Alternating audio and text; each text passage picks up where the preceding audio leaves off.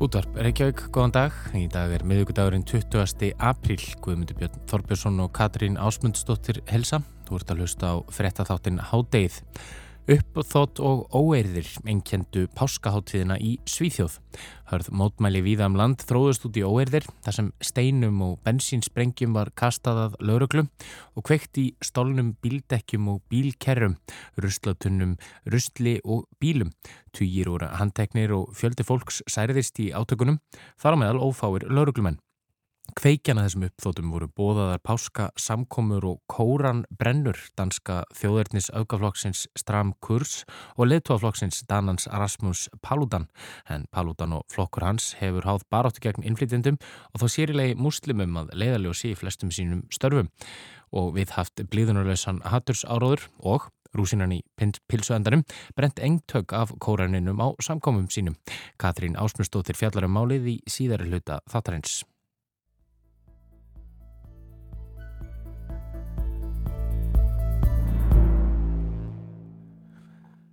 En við byrjum á annars konar átökum og það fyrir botni miðjararhafs og þau tengjast jú sömu leiðis páska hátíðinni að minnstakosti 150 palestínumenn slösuðust í átökum við Ísraelsku laurugluna við Al-Aqsa moskuna í Jérúsalemum páska hátíðina.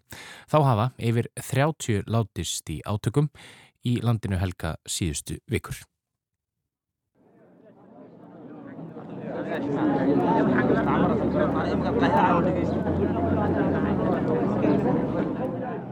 Við erum stödd við rætur Al-Aqsa moskunar sögufrægu í hjarta Jérúsalem.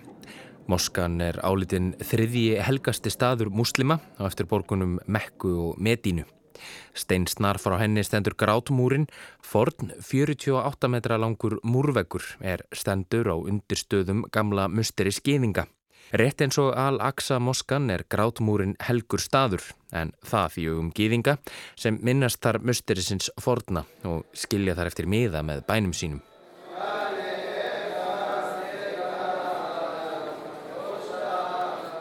Og svo er það gravarkirkjan eða kirkja hinnar helgu gravar sem er skamt undan sömu leiðis en hún er einn mesti helgistaður kristinamanna. Hún var reist á þeim stað er menn töldu að líka með krist hefði verið lagður eftir krossfestinguna.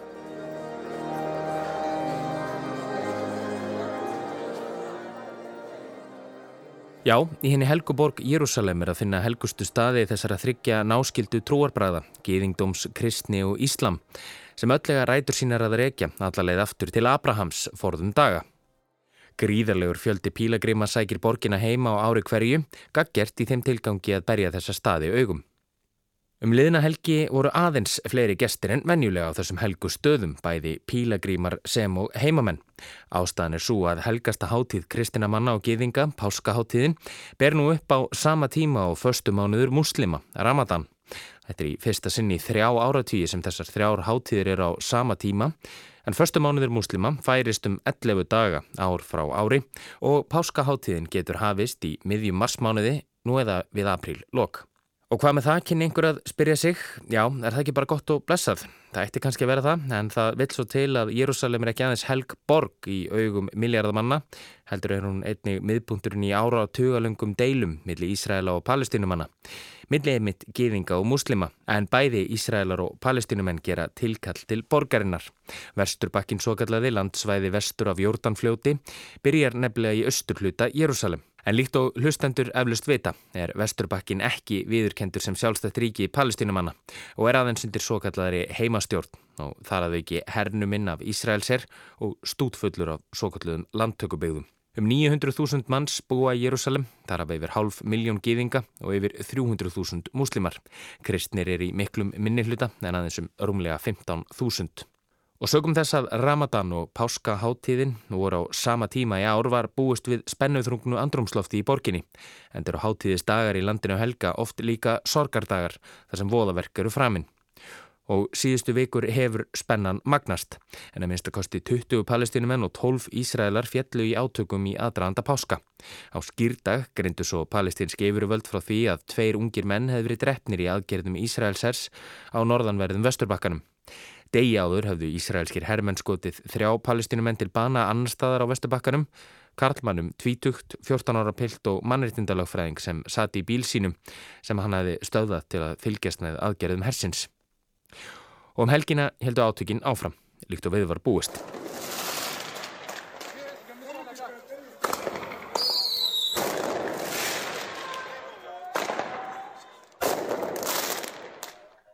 Um 150 palestinumenn slösuðust í átökum við lauruglu við Al-Aqsa moskuna í Jérúsalem á förstudag, þar sem muslimar voru við förstudags bænir. Fólki kemur ekki heim og saman um hvernig átökin hófust. Stjórnvöldi í Ísrael halda því fram að laurugla hafi látið til skarar skrýða og ráðist inn á þannan helga stað eftir að grjóti og flugeldum hafi verið kastað og skotið í áttað lauruglu, sem og að grátmúrnum. Palestínumenn halda hennu gagstaða fram að lögregla hafi átt frumkvæðið. Utaríkis ráðuneyti palestinsku heimastjórnarinnar hefur fordæmt aðgerðir Ísraelsku lögreglunar en stjórnvöldi Ísrael segja á móti að þau hafi fullan rétt til þess að vera á Vartbergi. Í mæi á síðast ári skutu Hamas liðar sem fara með stjórn á Gazasvæðinu, flugskitum í áttað Jérúsalem í kjölfar átaka við Al-Aqsa moskuna sem var upphafið af 11 daga átökum millir ríkjana. En ábeldis hreina undanfarina vikna á Vestubakkanum, sem tala var upp hér áðan, er svo mannskeiðasta í Ísrael í yfir 15 ár og eru landsmenn jæmt Ísraelar sem palestinumenn á nálum. Og nú gæti farið svo að friðurinn sé úti. Þessi sírinu hljóð heyrðust í söður hluta Ísrael á mánudaskvöld eftir að eldflög var skotið frá gasasvæðinu í fyrsta sinn síðan í janúar. Eldflöga varnakerfi Ísraela grandaði flugskeitinu en það breytti því ekki að Ísraelsk stjórnvöld svöruði sömu mynd og hófu í gær fyrstu loftarósir á gasasvæðinu í nokkra mánuði. Samkvæmt upplýsingum frá Hamas samtökunum höfðu loftarósir Ísraelska hersins þó engin áhrif þar sem þeirra eigin eldflöga varnakerfi hafi sömu leiðis grandað Ísraelsku flugskeitunum. Engin hefur líst yfir ábyrð á því að hafa skotið flugsketunum frá Gassasvæðinu en stjórnöldi Ísrael draga þó Hamas ætið til ábyrðar fyrir hverskins árásir frá Gassa og svara þeim yðurlega með loftárásum. Aðgerðir lauruglunar við Al-Aqsa moskuna á förstu dag hafa verið gaggrindar harðlega meðal annars af stjórnöldum bæði í Egiptalandi og Jórdaníu. Abdullah Annar, Jórdaníu konungur, kallaði átökin einliða árásað hálfu lauruglunar á fólk sem var við bænahald og slíkar aðgerir dræjur trúverðileika þess að friður geti haldist á svæðinu. Stjórnvöldi Jórdaníu er nefnilega nokkur skonar verndarar al-Aqsa moskunar og er sérstakur sjóður í landinu sem heldur utan viðhald og vernd byggingarinnar. Fórsetis ráþara Jórdaníu rósaði svo þeim sem stóði í átökum við laurugluna á förstu daginn og sagði að þau hefði verið í fullum rétti við að berjast tilhæfulusum árásum. Þessu umæli fóru ekki vel í fósettisarháðara Ísraels, Naftali Bennett, sem sagði þau óasættanleg og sagði hann jordanska fósettisarháðaran með orðum sínum verðurlauna ofbeldismenn og þá sérstaklega Hamasliða. Þetta kann að gera samskiptum Ísraels og Jordaníu skráfeifu sem hafa skána þó umtalsvert undarfæri nár vegna viðleitni Ísraelstjórnar í því að skapa sér fleiri bandamenn í miðausturlöndum af ótta við Íran og tilurönir þeirra til auðgunar úrans. Og í gerðmorgun barust svo fregnar að því að minnstakosti 40 palestinskir mótmælendur hefðu sest í átökum við Ísraelsku laurugluna í nákrenni við borgina Nablus á Östurbakkanum en mótmælendunir hefðu staðið í deilum við Ísraelska borgara sem búa á svo kulluðum landtökubyggðum. Það verist því vera svo að átökmiðli Ísraela og palestinumanna séð harna en einu sinni.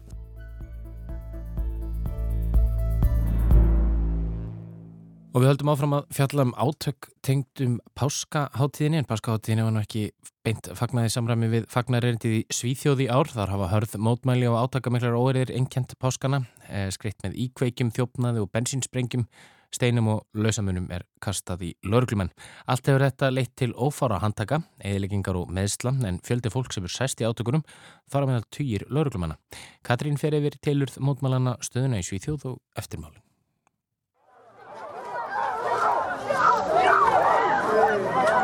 Síðasta fymtudag á skýrdag brutust út mótmæli og óerðir í borginni Linnsjöfning og Örebro í Svíþjóð. Ráðust var að lauruglu, lauruglu bílum, bílrúður, brotnar og kveikt í brinnvörðum bifriðunum. Minst tólf lauruglumenn hlutu áverka og þrýr voru fluttir á sjúkrahús. Allavega fimm voru handteknir.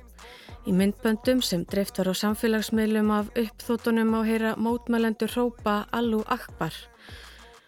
Þegar líða fór á kvöldið ferðust óerðirnar yfir til nágrannaborgarinnar Norsöpning í Östurgautlandi þar sem óerðarsækir allu skemdum á sporvagni, kveiktu í bílum og köstuðu grjóti í lauruglumenn.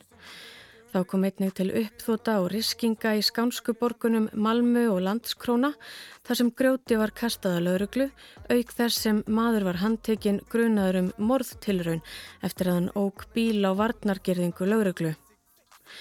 Dægin eftir förstu dægin langa heldu mótmælin áfram og breytust út víðar um landið, meðal annars til höfuborgarinnar Stokkólms. Í Örebró slösuðust fjóri lauruglu þjónar í áflóðum við mótmælendur og almennur borgari mittist þegar hann fekk stein í höfuðið í átökunum.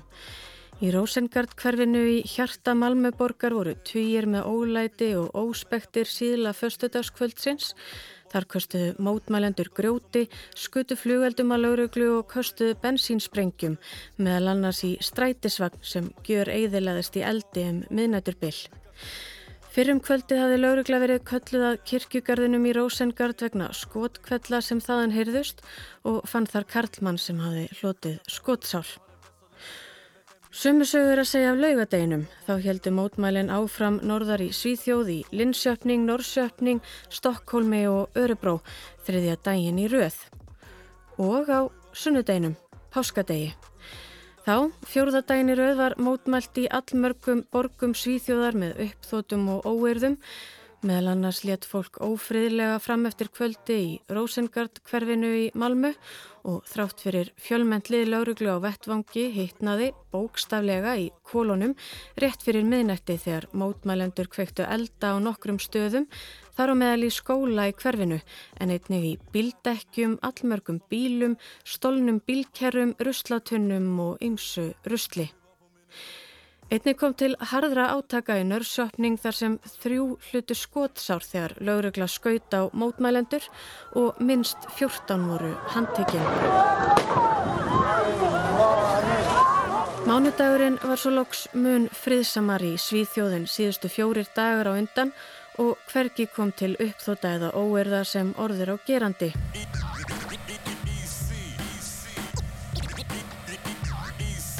En hvert var tilefnið?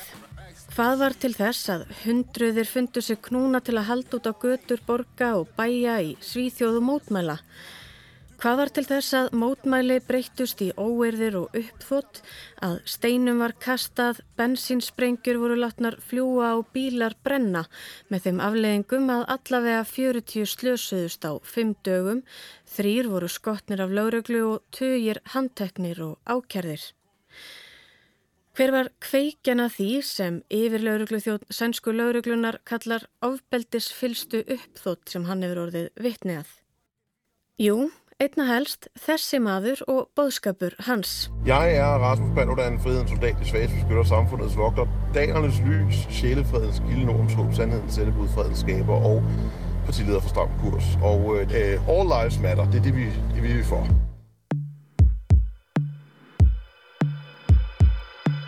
Hinn dansk-sænski Rasmus Paludanir leiðtogi hægri öfga þjóðverðnisflokksinn Stram Kurs eða Hörð Stefna sem berst aðalega gegn innflytjandum og þá sérilagi innflytjandum sem eru muslimatrúar. Paludan hafði samsagt skipulagt eins konar herrferðum svíþjóði við páskana, búðað fjöldafundi, úti samkomur, mótmæli og já, brennur kóransins trúarids muslima um allt land. En flokksmenn eru við stafar ósáttir við innflytjandastefnu yfirvalda í Svíþjóð og lág á að koma þeirri óánægu áleiðis með sem mestum tilþrifum. Borgir og hverfi voru sér valin eftir innflytjanda íbúafjölda þeirra og tímasetningin var ekki valin af handahófi, heldur akkurat satsað inn á Ramadan, eina helgustu háttíð muslima. Og þessi túrans hófst á skýrdag með samkomi á vegum flokksins í Jansjöfning þar sem formaðurinn brendi mitt eintak af kóraninum eins og flokksmenn hafa lagt í vana sinna að gera á slíkum samkomum. Og Paludan hafði til þessa leifi yfirvalda, hann hafði sem sagt leifi fyrir útifundinum. Gjörðirnar, ásetningurinn, hattursorðræðan og skilabóðin fjallu eðlilega ekki í krami hjá þeim sem þær beindust gegn, já, nýja kannski flestum öðrum. Og svo fór því að hart mætti hörðu, ofbeldi, mætti ofbeldi og til átaka og áflóða komilli öfgafullra þjóðurni sinna en helst mótmælendana og lauruglu. Mótstaða er svo sem ekkert nýtt fyrir Paludan sem stopnaði stramkursflokkin árið 2017 og gerði bann við Íslamstrú í Danmörku að einu helsta stefnumáli flokksins. Stramkurs bauð meðal annars fram til þings árið 2019 og fekk 1,8% atkvæða og engan mann kjörin á þingi þar skiptið. En Rasmus Paludan er gerðnan harðlega gaggrindur og honum berast ósjaldan líflátshótanir. Þá réðst Karlmaður og sextugsaldri að Paludan með hníf á lofti á mótmælafundi flokksins í árósum árið 2020 en sá var skotin í fótin af lauruglu áður en hann komst nokkuð tíman að Paludan. Þessi leiðtögi flokksins hefur þá einnig hloti dóm, þryggja mánuða fangilsi fyrir kynþáttahatur, ærumeyðingar og hættulegt axturslag og misti einnig lögmannsrettindi sín í nokkur ár. Rasmus Paludan kæmper for det danske land, ber alle muslimer om að gå. Når han først er gået i gang, samles folket med det samme, alle homoerne kigger på. En aftur að mótmælunum. Eins og áður segir lýsir laurugla óerðunum sem fordæma lausum og talsmaður lauruglunar segist raunar vera slegin yfir því mikla hatri og ofbeldi sem lauruglumenn mættu af hálfu mótmælenda. Tómas Stjernfeld varaformaður landsambands lauruglumanna í Svíþjóð saði í samtali við sænska ríkisútvarpið SVFT að vissulega hefði komið til ofbeldisfullra uppþóta í gegnum árin en þetta hefði verið eitthvað allt annað og meira. Þetta beinist beint gegn lögreglu sínist okkur og þarna voru gerðar tilraunir til mandráps, sagðan, og alvarlegar tilraunir til líkamsárusa. Þetta hefur ekkert með mótmælina tjáningafrelsi að gera, þetta er byrtingamind haturs og ofbeldis gegn lögreglumönnum sem við hefum ekki orðið vitni af áður. Þá hafa yfirvöld haft uppi kenningar um að stærri öll séu að baki en grunuleikur á að glæpa samtök hafi jafnvel notvært sér ástandi og kynnt undir ófræðarbálinu. En verið er að rannsaka það hvort glæpagengi hafi átt hlutamáli, kynnt undir reyði mótmælenda og espað á til ofbeldisverka. Anders Torberg yfirlauruglustjóri segir að þarna hafi ekki verið neynir vennjulegir mótmælendur á ferð en laurugla búi yfir upplýsingum sem sína skýr tengst millir margra þeirra sem mest höfðu sér frammi í óerðunum og skipulaðra glæpasamtaka. Þetta séu aðilar sem eru þegar á skrá hjá lauruglu og öryggislauruglu. Vi tror inte att eh, grundorsaken för de här angreppen har varit eh, demonstrationen i sig utan det har varit ett tillfälle att slå mot samhället, mot rättssamhället och polisen. Mikael Backmann, yfirmaður í austur umdæmi sænsku lauruglunar, segir þá mikið verk býða lauruglu og saksóknar ennbætta landsins. Mikill fjöldi fólks hafi tekið þátt í óerðunum og stór hlutið er að sé undir lögaldri. Nú þurfum við að finna út úr því hver gerði hvað og vinna úr því, grafast fyrir um aðstæður og ástæður og freysta þess að finna leiðir til að koma í veg fyrir að sagan endurtæki sig. Og áðurnemtur Tómas Tjernfeld varaformaður landsambands lauruglumanna í Svíþjóð sagði þá að lauruglunni hefði raun mistekist að sinna hlutverki sínu með þeim hætti sem æskilegt væri. Það sýnir sig meðal annars í því hver margir lauruglumenn hafi slasast. Hann segir erfitt að meta það hvort hægt hefði verið að sjá þessa þróun mála fyrir og brínt sé að fara í sauman á því sem gerðist um helgina. En lauriglan og yfirvöld hafa einni hlotið gaggríni vegna málsins meðal annars vegna þess að samkomur stram kurs hafi verið leiðar yfir höfuð, hvað þá í þeim hverfum sem umrætti, hverfi þar sem alltaf helmingur íbúa eru innflytjandur. Það hefði öllum átt að vera ljóst til hvers þetta myndi leiða og hver raunverulegur tilgangur samkomuhaldara væri. Ó Rasmus, og stille Rasmus, setta brann í geðana for vores peng. Åh Rasmus, du kører en stram kurs Hele landet synger dit navn inden længe Ja, Rasmus Paludan. Sejr.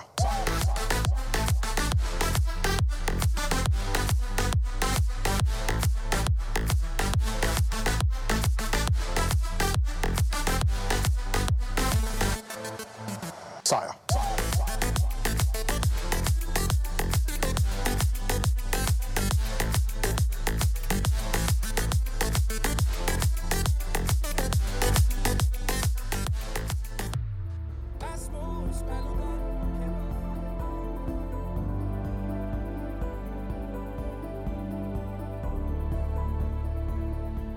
Hátið er þá enda í dag. Við verum hér aftur á sama tíma á förstu daginn.